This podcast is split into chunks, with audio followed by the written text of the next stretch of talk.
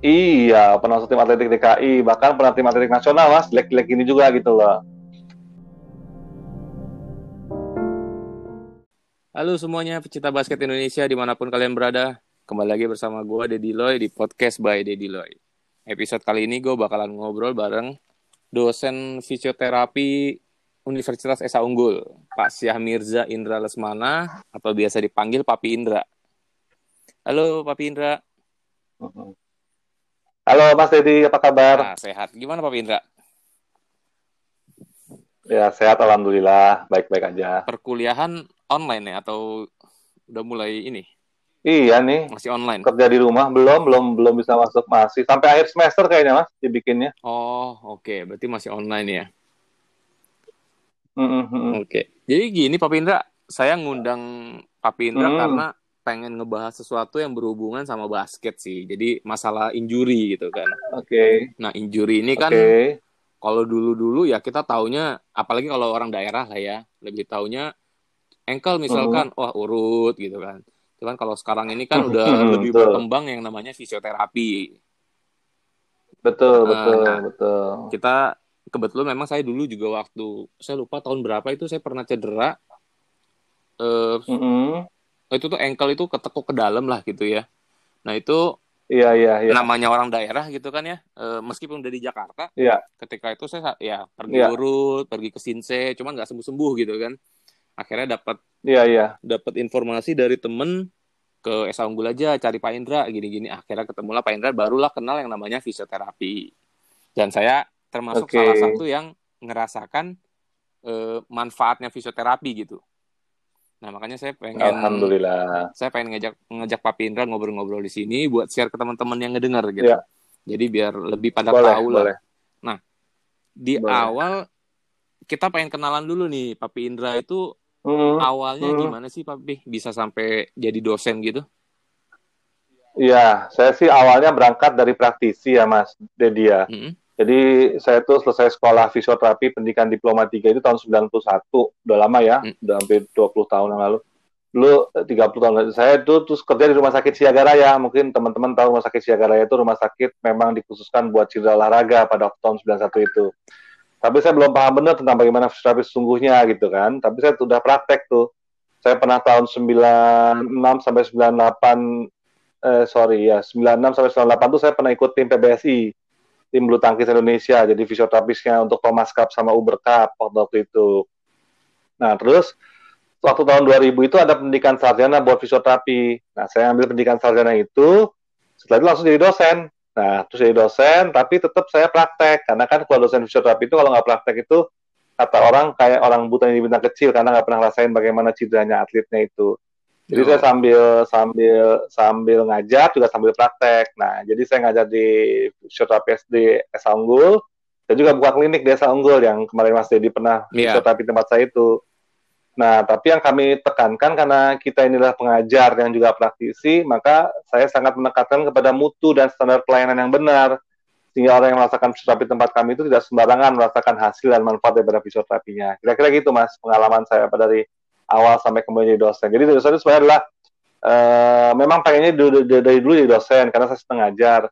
Tapi juga tetap ingin praktek, jadi saya pakai dua-duanya ngajar iya, praktek iya dia sanggul itu, gitu mas. Uh, yang jadi pertanyaan saya nih, eh, hmm. apa yang bikin Pak Indra itu mantep oh saya mau ngambil kuliah di jurusan visio gitu nah ini cerita sedih nih mas sebenarnya mas gitu loh saya dulu tuh mantan atlet saya dulu pelari gawang mas oh ya saya gitu. ada dapat informasi kalau Pak Indra itu pernah masuk tim atletik DKI ya Iya, pernah masuk tim atletik DKI, bahkan pernah tim atletik nasional, mas, jelek-jelek gini juga gitu loh.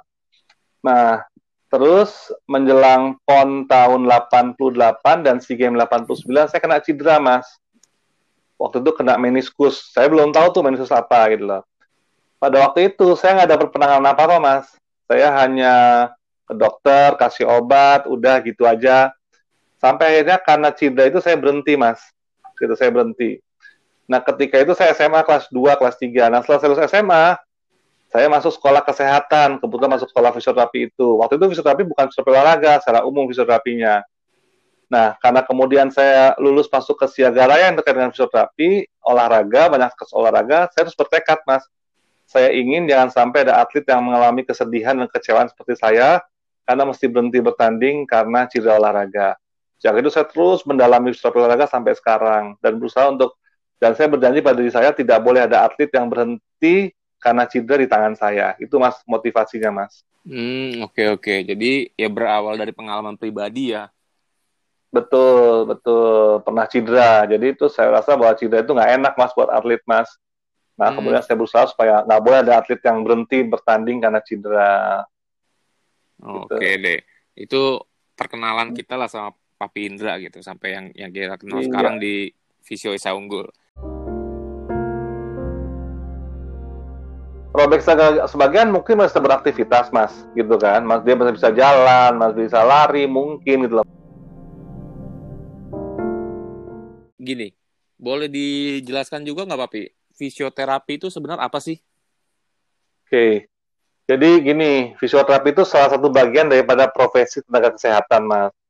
Ya, Nah, tugas fisioterapi itu adalah mengembalikan gerak dan fungsi. Jadi saya ambil contoh begini.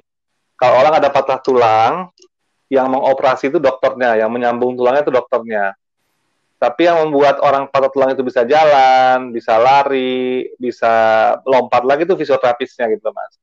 Jadi fisioterapis itu adalah suatu tindakan yang diberikan oleh tindakan medis, diberikan oleh tenaga kesehatan untuk mengembalikan gerak dan fungsi gitu loh. Jadi kita nggak menyembuhkan penyakitnya mas, tapi kita mengembalikan gerak dan fungsi. Misalnya orang batuk, batuk ke dokter ngobatin batuknya, tapi yang ngeluarin lendirnya itu fisioterapisnya. Itu fisioterapis pada intinya. Nah, yang berikutnya kita menggunakan modalitasnya atau penanganannya dengan cara pendekatan fisika, Mas.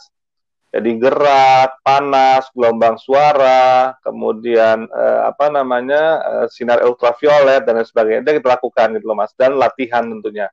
Nah di suatu olahraga fungsinya karena atlet, maka kita harus bisa mengembalikan gerakannya kepada olahraga yang sesungguhnya gitu, Mas. Nah, itu fisioterapi sebenarnya.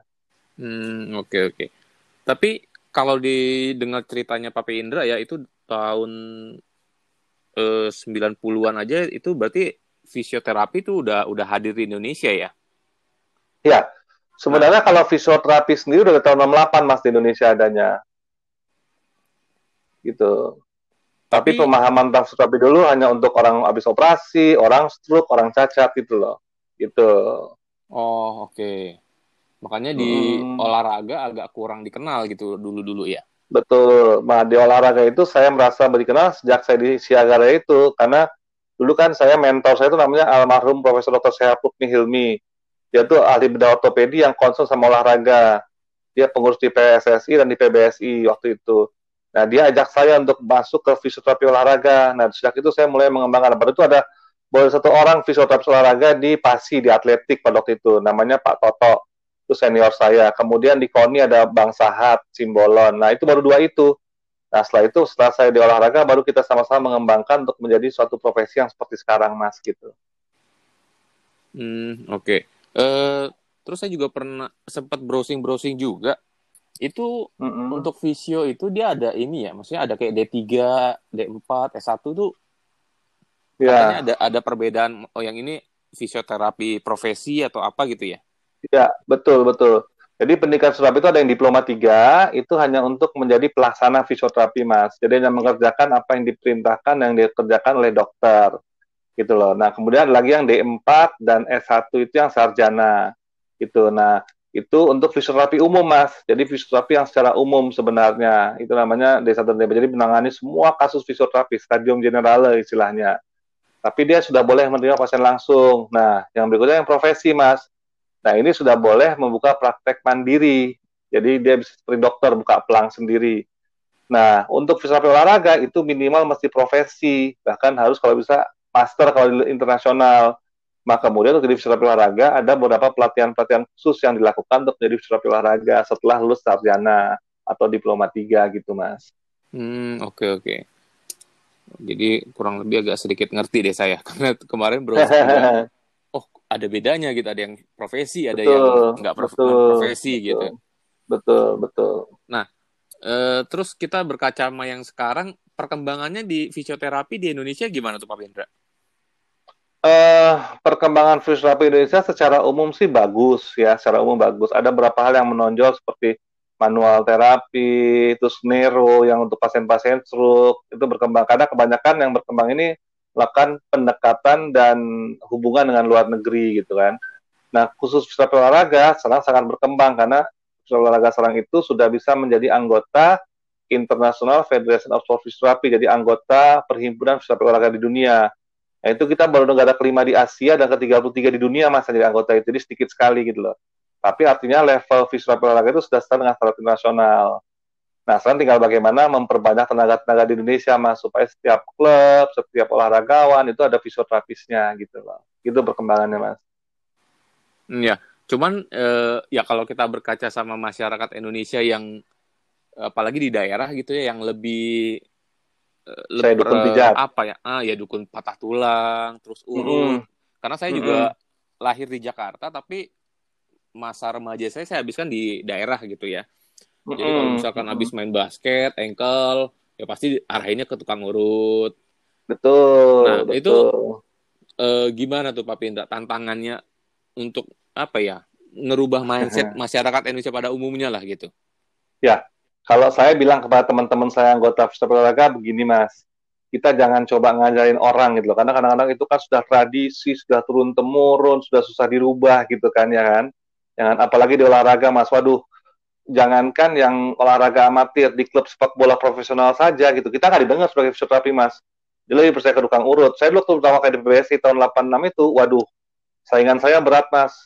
Kalau ada atlet ke saya, saya bilang nggak boleh bertanding, dia pergi di tukang urut, besoknya boleh main gitu loh. Walaupun kemudian cedera ditambah parah gitu loh. Jadi saya mendekatkan kepada teman-teman saya, fisioterapi olahraga, itu kita nggak usah banyak bicara lah. Kita cukup memberikan bukti bukan janji itu aja. Jadi kita buktikan dengan kerja kita, dengan pelayanan kita, dengan hasil yang bagus sehingga mereka biarkan masyarakat memilih. Akhirnya misalkan akan menilai bahwa oh kalau saya ke fisioterapi jauh lebih bagus hasilnya seperti Mas Dedi kan. Setelah fisioterapi merasakan bahwa hasilnya lebih bagus daripada kalau saya ke tukang urut. Nah itu yang kita buktikan itu aja Mas. Karena kalau kita ngomong macam-macam macam-macam malah akan menimbulkan konflik dan orang akan menentang kita gitu loh Mas. Kalau saya pendapatnya begitu. Hmm, iya. Tapi yang karena saya juga pernah ngalamin langsung ya Pak ya, uh, mm-hmm. Pak, Pak Indra. Jadi uh, apa ya? Karena kan visio itu uh, menurut saya sih agak lama gitu ya prosesnya ya. Enggak betul. Enggak, ya kalau misalkan betul. kita lah kita ke tukang urut urut sekali langsung main. aman bisa betul. main gitu betul. kan. Tapi kan kalau di visio itu kan nggak bisa langsung begitu dan apa ya, betul. ya yang ada ada faktor kebosanan yang bakal Betul. Uh, orang bikin bikin orang berpikir ah males lah visio lah urut aja lah gitu. Setuju, setuju, setuju, setuju. Betul mas itu sangat betul mas makanya cuman kan kita bicara dampak jangka panjangnya gitu mas ya. Jadi ada beberapa contoh seperti ada beberapa pemain sepak bola yang udah ketukang urut berkali-kali, dia main sebentar cedera lagi, urut lagi, main lagi sebentar cedera lagi, urut lagi gitu kan. Karena memang kan secara secara anatomis fisiologis kalau diurut nggak bisa sembuh, bisa sembuh total gitu kan. Akhirnya kemudian karena dia bosan dia ke fisioterapi. Nah kemudian di fisioterapi di kita tangani walaupun lebih lama misalnya di kurang tiga hari tapi main tiga hari sakit lagi tempat kita dua minggu terapi susah main nggak mas sakit-sakit akhirnya kan dia ngomong-ngomong sama teman-temannya eh bener loh kalau ke fisioterapi lebih baik nah itu aja kita lakukan mas karena kalau kita ngomong orang memang saya di PBSI begitu gitu loh waktu saya dulu di pertama kali di fisioterapi wah itu zaman itu lebih parah lagi mas nggak didengar sama sekali omongan kita gitu loh. Tapi kemudian ketika atletnya uh, merasa lebih bagus, bisa lebih main lebih lama dengan fisioterapi, maka dia kemudian akan pindah ke kita, gitu mas. Jadi memang apa uh, merubah mindset itu mesti dengan bukti, nggak bisa dengan omongan gitu loh mas. Kalau pendapat saya gitu loh.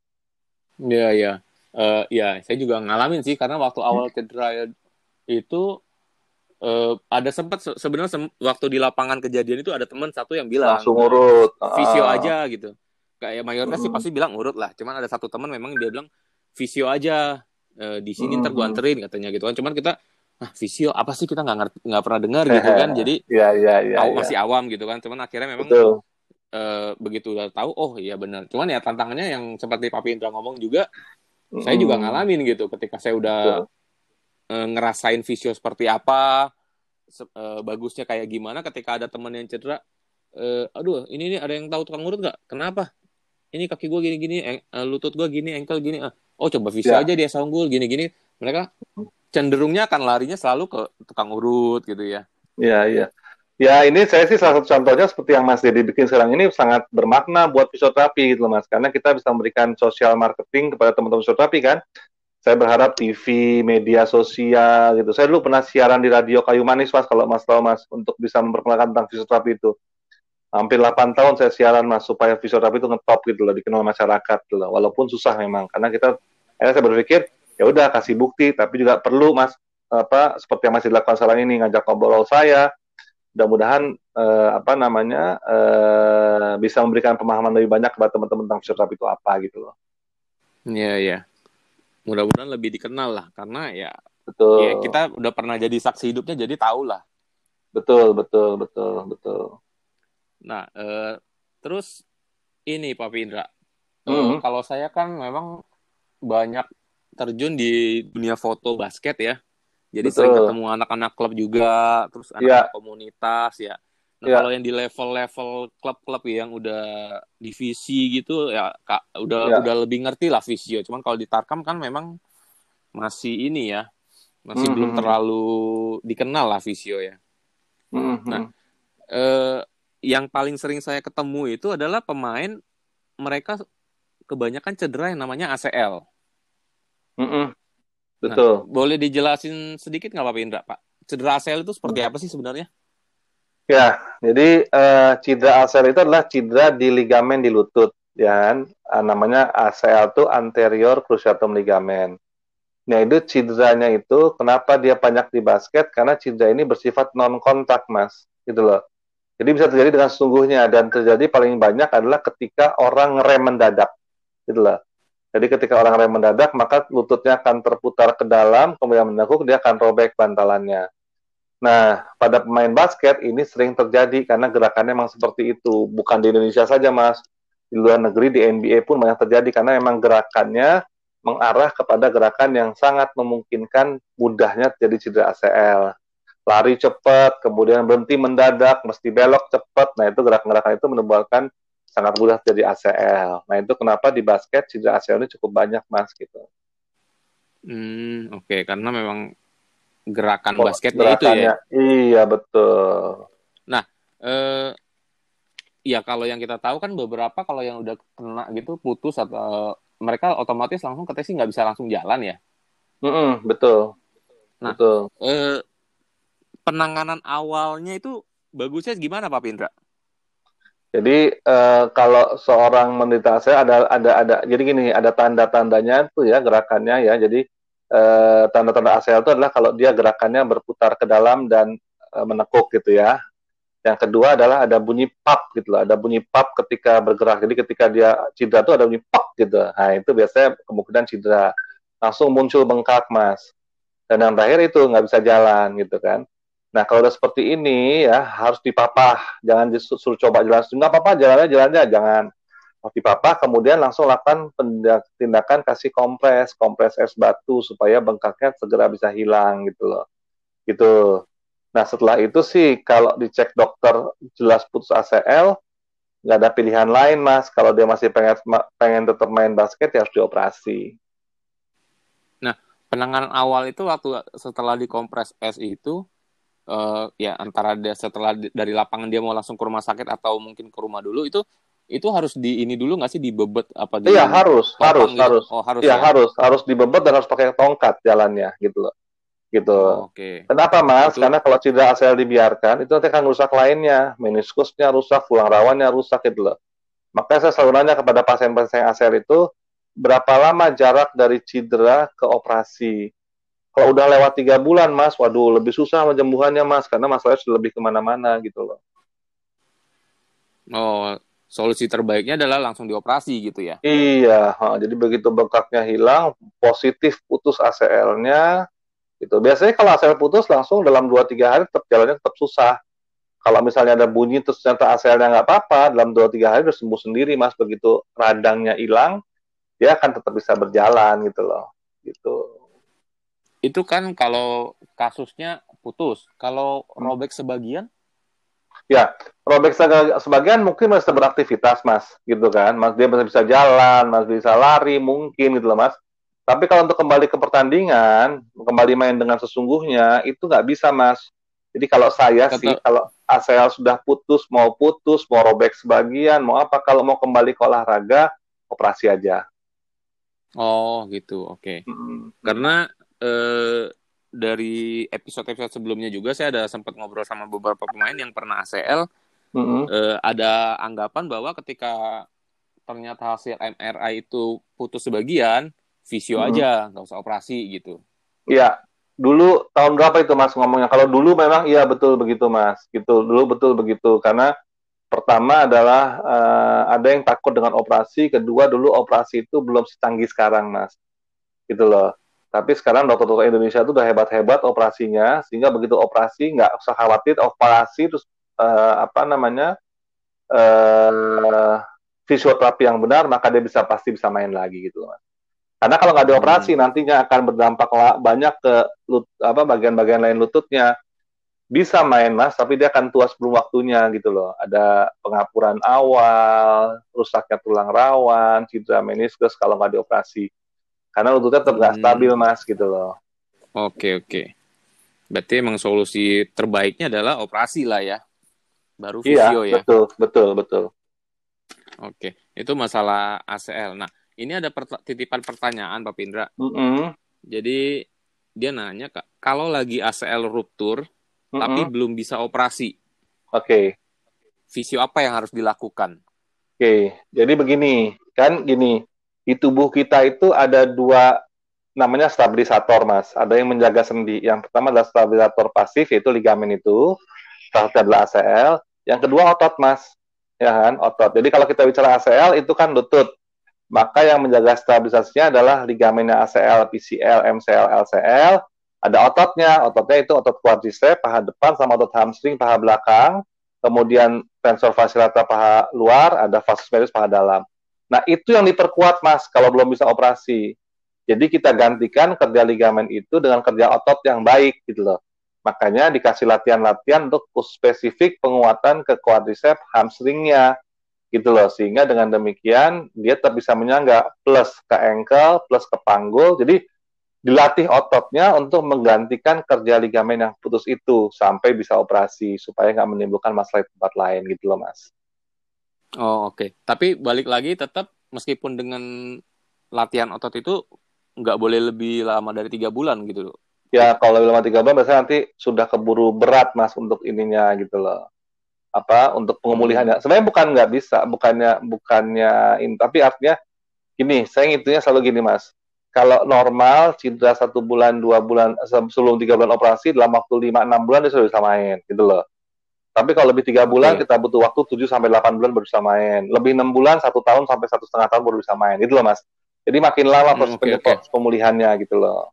Gitu. Oke. Okay. Uh, eh, ini karena teman saya juga saya tahu uh, tahu background dia karena setahu saya dia lagi kuliah kedokteran. Mm-hmm. Mungkin karena karena jadwal kuliah dia yang nggak bisa di ini mungkin kali ya. Iya. Karena bisa. saya juga punya punya temen yang lagi kuliah internis di Chicago juga. Jadi eh, apa? bahu bahu tangan bahunya itu jadi tangannya itu bisa copot dari betul. bahunya itu bisa lepas betul. itu. Nah itu betul. kita kita kalau ketemu nanya gitu kan kenapa sampai sekarang dia belum operasi gitu. Saya bilang ya. kenapa nggak mau dioperasi aja? Ya ya. Gak bisa karena lagi kuliah begini kalau ini saya harus off lama lagi katanya ya. gitu sih ya jadi gini mas jadi mungkin dia gini mm-hmm. kita bicara kalau kita bicara orang awam jadi hanya butuh jalan ya hanya butuh bergerak yang se- sekedarnya itu masih nggak apa-apa lah masih bertahan nanti ya sudahlah nanti akan setiap orang juga nanti akan tumbuh kapur kalau dia sudah tambah tepuh tambah tua itu iya tapi kita kalau bicara kalau itu dia atlet nggak bisa masa operasi gitu loh gitu. Kalau kita hmm, bicara okay, atlet, okay. ya, kalau kita bicara untuk orang biasa, orang bukan atlet, masih mungkin kan nggak dilakukan tindakan operasi. Nah, misalnya karena kesibukan dia nggak bisa dia kerja, tapi kerja cuma banyak duduk, nggak banyak jalan, olahraga juga sekedarnya cuma naik sepeda atau jogging-jogging ringan. Oke okay lah, nggak operasi setahun dua tahun sampai dia mengalami betul-betul ada nyeri bertambah, boleh. Tapi kalau dia serang atlet, nggak hmm. ada pilihan, Mas. Gitu loh maksud saya. Oke, okay, oke. Okay. Mm -hmm. Oke okay deh, udah mulai lebih paham lagi. Iya. Uh, Terus uh, itu masalah ACL. Terus ya udah kurang kurang lebih udah sedikit paham lah kita masalah ACL yang cedera umum karena kan. Mo ya momok lah ya ACL itu di basket ya. Iya, iya. terus uh, tapi sampai sekarang pun setelah orang operasi ACL fisioterapinya itu minimal berapa bulan, Papi? 6 bulan? Ya, 6 bulan. Untuk bisa kembali ke olahraga 6 bulan, Mas. Itu dalam artian kembali bisa main berlatih atau eh udah kembali ke kembali ke pertandingan. Level dia lagi. Level dia. Oh, udah bisa balik ke levelnya uh, dia lagi. Oh. Iya, uh, uh. harus bisa kembali ke levelnya dia. Kalau enggak fisioterapinya gagal. Ya kan? Jadi kalau misalnya LeBron James cedera atau dia sebelum cedera main di Lakers, setelah cedera main di Satya Wacana, berarti fisioterapinya gagal gitu loh. Oke deh, oke. Mm -hmm. Nah, eh, saya juga pengen tahu nih, Papi. Mm -hmm. Kasus yang paling menantang selama Papi Indra di Esa Unggul ada nggak tuh? Yang paling menantang sebenarnya ya, ini yang paling menantang ya, saya bilang ya, itu kasus pertama saya ACL pada atlet basket. Gitu. Itu alhamdulillahnya yang cedera kebetulan tim dari tim yang cukup mau bekerja sama dengan Fisioterapi dengan baik, itu saya sampai diajak ke Filipina untuk melihat operasinya, melihat latihan di sana. Jadi saya banyak belajar. Gitu. Saya akhirnya saya tertantang untuk bagaimana membuat dia bisa kembali main dengan baik gitu loh. Saya boleh sebut nama atletnya nggak? Boleh. Boleh. Rama, Fandi Andika Ramadhani.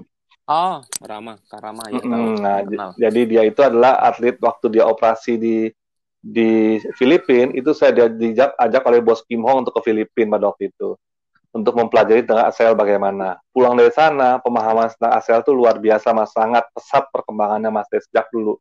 Saya pertama kali di Siaga, saya di klub-klub waktu itu saya di, sudah di Aspak, saya sudah sempat megang Satria Muda. Itu saya bertambah pengalaman dan tertantang untuk memperbaiki program ASEAN itu setelah pulang da dari nangan terin Rama itu belajar di Filipina. Jadi saya banyak belajar untuk pengenalan ASEAN itu di Filipina mas sebenarnya mas dengan Madam hmm. Christine namanya. Dia seorang officer olahraga dari lulusan dari Melbourne. Saya bahkan sudah ikut pelatihan untuk penanganan ACL itu selama empat hari di Filipina, Mas. Itu benar-benar memberikan manfaat yang besar buat saya. Dan berapa kali saya bolak-balik ke Filipina, habis itu untuk untuk menangani juga ada atlet putri perempuan PON, saya juga ikut ke Filipina belajar banyak, sehingga saya betul-betul setelah saya pulang itu saya matang betul mas bagaimana menangani ACL. Jadi Rama itu adalah boleh saya sebut kelinci percobaan saya mas untuk bagaimana sukses menangani ACL mas. Dan alhamdulillah hmm, iya, iya. setelah cedera dia MVP loh di final waktu itu di Jogja. Kalau Mas Mas Dedi inget ya kan? Di uh, MVP dan... MVP final loh, menang loh aspeknya waktu iya, itu, iya. ya kan? Oke. Uh, terus ini ada juga pertanyaan dari hmm. teman saya. Konsep istirahat yang tepat bagi atlet sehingga dapat okay. mengurangi resiko cedera.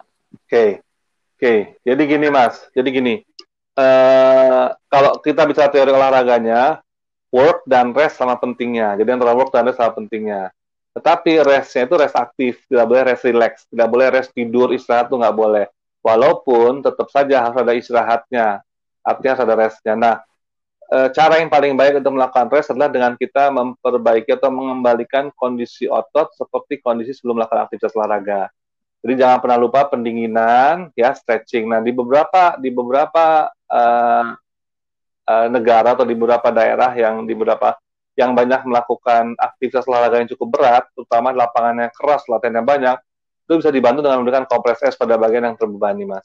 Jadi kalau mas lihat pemain-pemain dari saya sebut aja di aspak itu, di tapak dulu tuh, itu kompres es itu menjadi suatu keharusan setelah main, mas, setelah latihan gitu loh. Jadi um, uh, utilnya Bang Leman tuh selalu bawa satu atau sama di mana-mana pasti ada orang yang bawa satu box esnya mas untuk komplain karena itu akan memberikan ya, ya box itu memberikan relaksasi yang maksimal setelah melakukan tes olahraga mas gitu.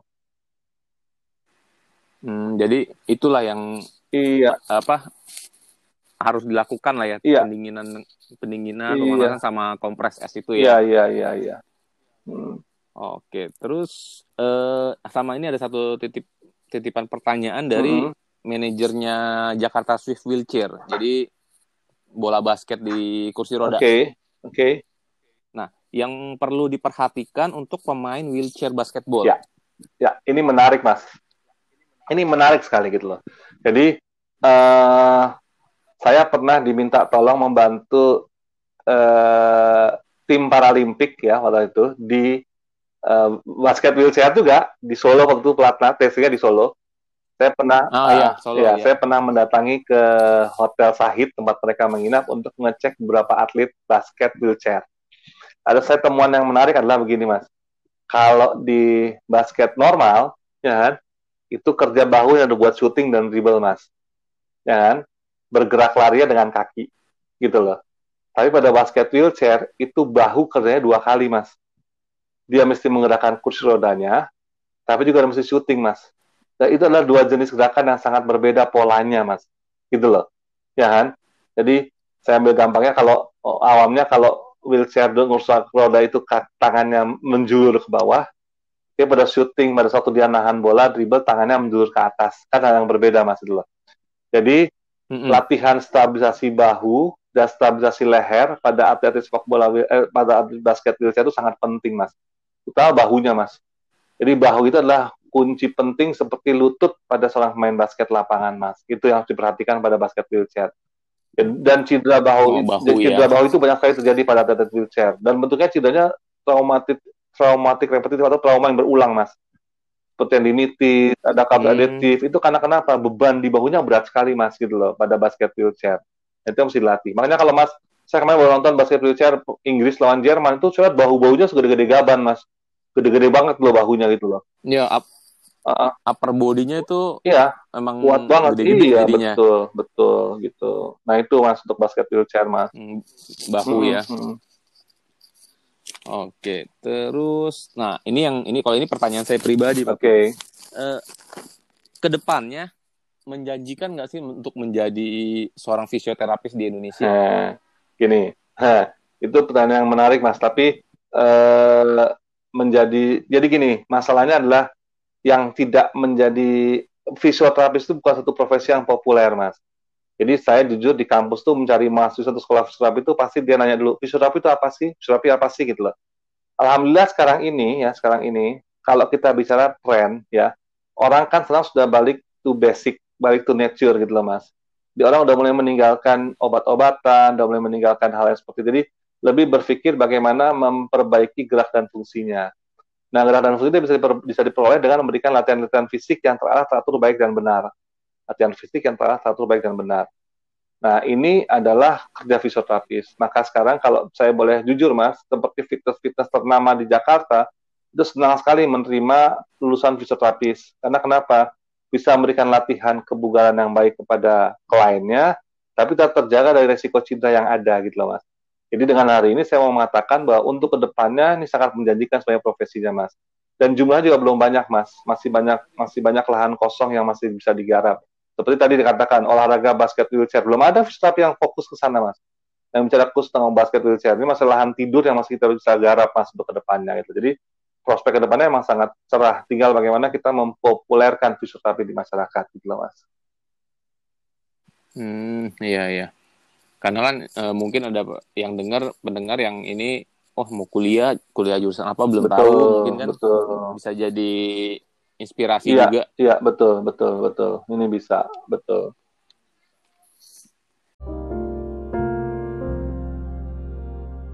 tapi kita berikan pemahaman tentang apa itu fisioterapi sehingga fisioterapi Indonesia itu di depan itu tidak bagaikan kata dalam tempurung.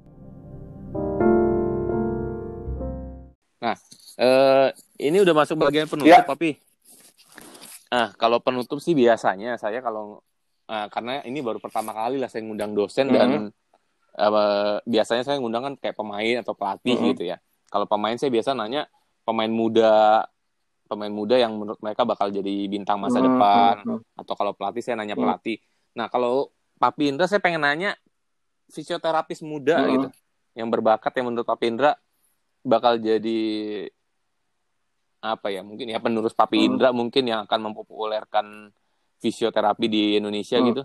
Ya, jadi kalau saya bisa bilang ya sebenarnya begini Mas. Jadi uh, untuk jadi fisioterapi olahraga ada syarat bahwa dia harus punya gerakan olahraga yang bagus.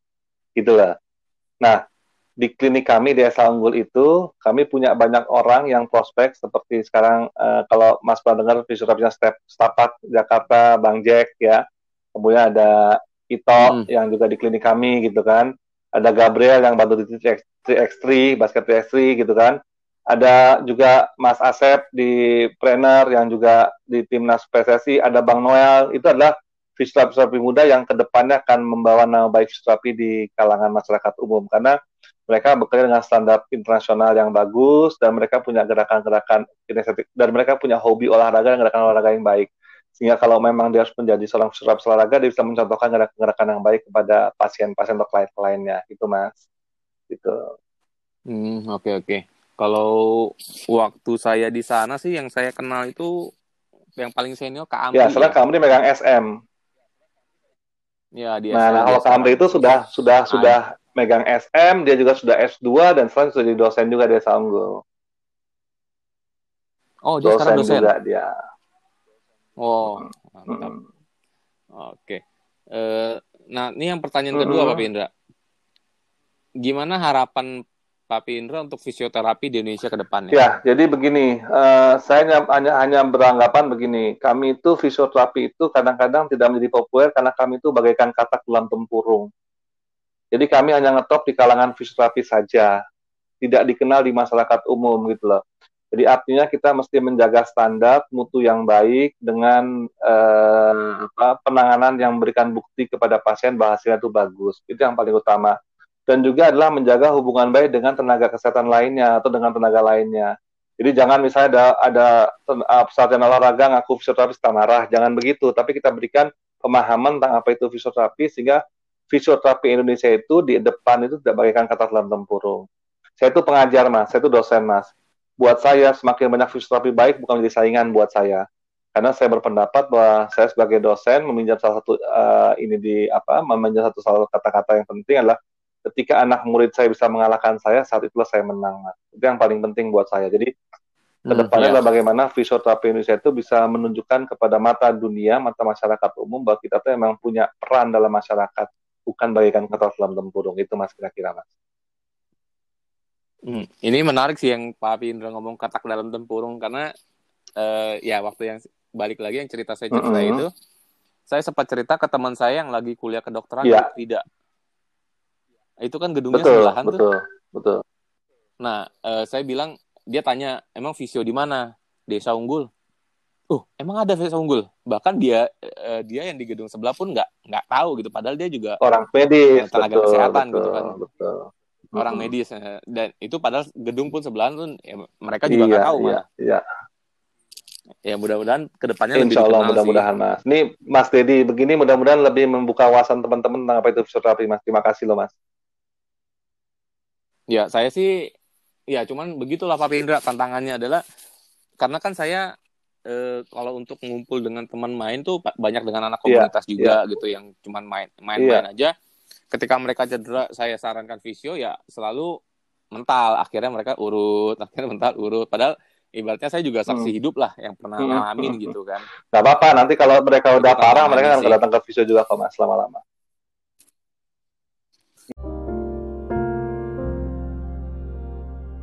Oke. Ini yang terakhir mm -hmm. Pak Indra. Ada ini enggak eh, apa ya, pesan-pesan atau motivasi buat anak-anak muda yang mungkin mereka berminat sekarang pengen jadi fisioterapis gitu? Ya, jadi gini, uh, saya ingin berpesan bahwa uh, fisioterapi itu adalah profesi, profesi ya. Jadi fisioterapi adalah profesi yang ditempuh melalui pendidikan formal. Jadi bukan seperti tukang urut biasa dan kita memiliki basic science yang cukup kuat gitu loh dan kalau kita bicara di dunia ini sudah sangat sudah sangat maju. Bahkan pelatih-pelatih fisik NBA itu kebanyakan dari lulusan fisioterapis gitu loh. Jadi menurut saya kalau memang Anda dan satu lagi kita ini masih bisa bekerja sesuai dengan bidangnya. Jadi tidak ada satupun fisioterapi yang lulus kemudian jadi pekerjaan yang tidak sesuai dengan bidangnya. Jadi kalau memang adik-adik ingin bekerja sesuai dengan bidangnya, ambillah pendidikan fisioterapi dan pilihlah sekolah-sekolah fisioterapi yang memang berbobot sehingga bisa menunjukkan kualitas kalian. Gitu Mas.